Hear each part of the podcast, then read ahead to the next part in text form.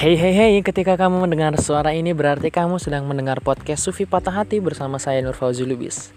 Halo teman-teman semua, senang sekali untuk sekian kalinya kita masih bisa bersama-sama di sini untuk mendengarkan sebuah podcast yakni podcast Sufi Patah Hati yang setiap pembahasannya adalah pembahasan-pembahasan yang menurut saya pribadi adalah penting untuk kita dengarkan ya tapi nggak terlalu penting-penting amat. Tapi ya mungkin bagi beberapa orang ini adalah satu hal yang menarik untuk didengarkan. Teman-teman pendengar semua ya kita akan bahas masih di pembahasan yang sama topik yang sama adalah filsafat kebahagiaan.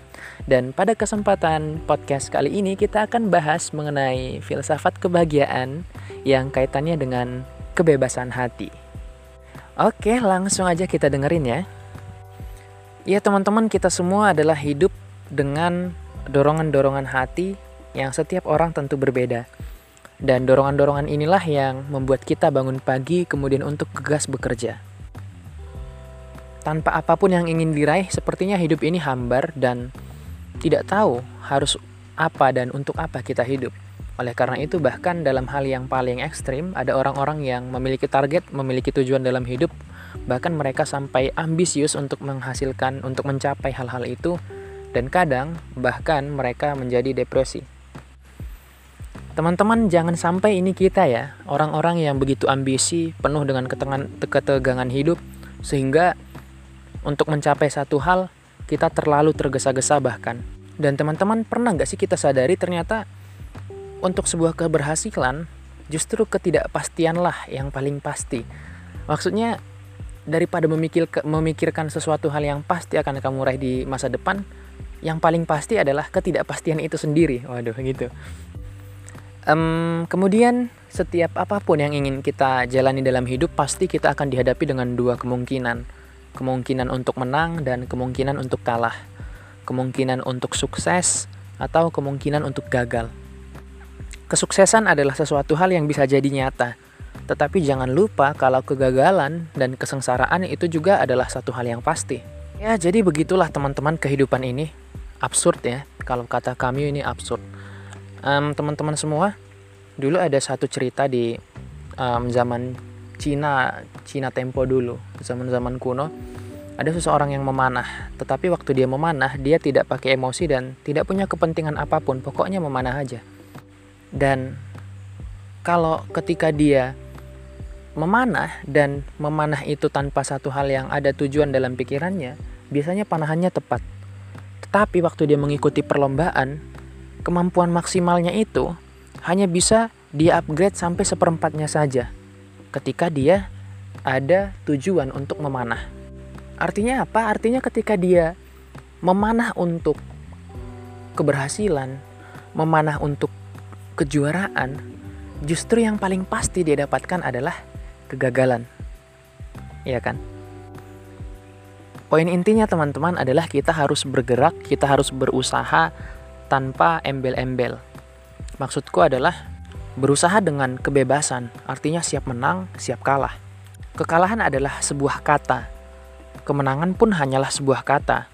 Ketika kita hanya melabelkan hidup kita pada dua kata tadi, maka kehidupan kita adalah kehidupan yang terlalu singkat dan sia-sia untuk dijalani.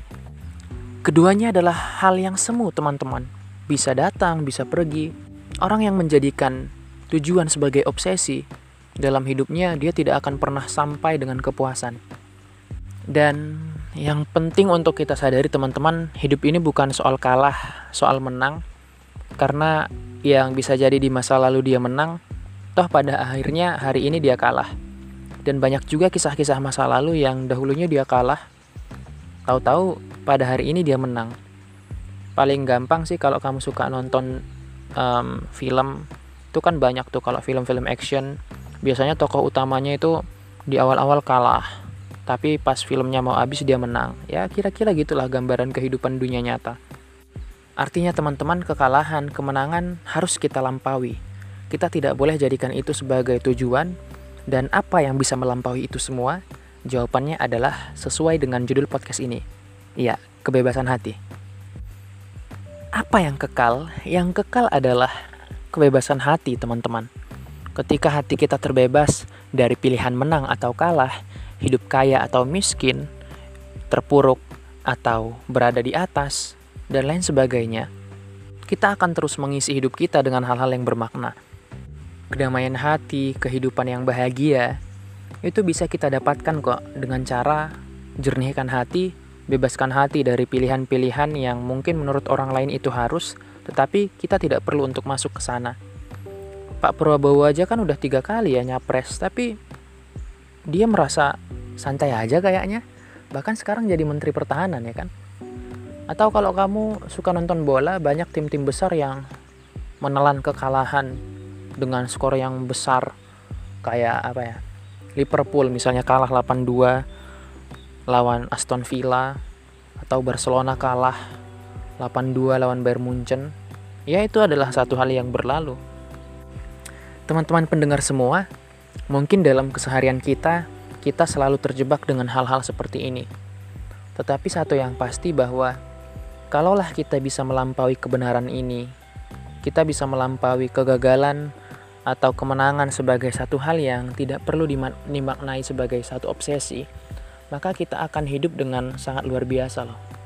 Bayangkan saja sebagaimana kisah-kisah para nabi terdahulu, kalaulah memang tujuan akhir mereka adalah untuk menjadikan semua orang ikut kepada mereka, pasti mereka memiliki banyak kegelisahan, depresi, dan memang ya mereka gelisah. Tetapi bukan itu kan kata Tuhan. Kata Tuhan yang penting prosesnya. Ajak orang lain agar kembali kepadaku. Tetapi toh pada akhirnya manusia tidak mau kembali kepada Tuhan, itu kan bukan urusan kita lagi. Kita hanya menikmati proses. Kita jalani proses itu. Sedangkan menang, kalah, berhasil, gagal itu adalah urusan Tuhan, eh, urusan Tuhan pada akhirnya. Ya kayaknya itu aja sih yang bisa kami sampaikan. Waduh kok formal kami sampaikan. Yang bisa aku sampaikan pada podcast kali ini kebebasan hati ya semoga saja kita bisa bebas dari kungkungan apa pun itu yang sering memenjarakan hati kita, masa lalu, trauma, obsesi dan lain sebagainya. Dan aku berharap untuk diriku sendiri juga sebenarnya um, biar nggak cuma bisa ngomong ya kan di record seperti ini tetapi mudah-mudahan juga kita bisa aplikasikan dalam keseharian kita. Ya itu aja. Terima kasih ya saya Nur Fauzi Lubis. Terima kasih kalau kamu selalu mendengarkan ini dan rasanya kayaknya oh orang lain harus mendengarkan ini maka silahkan di share terima kasih banyak atas selalu mendengarkan uh, podcast ini. Saya Nur Fauzi Lubis keep positive and stay healthy. Bye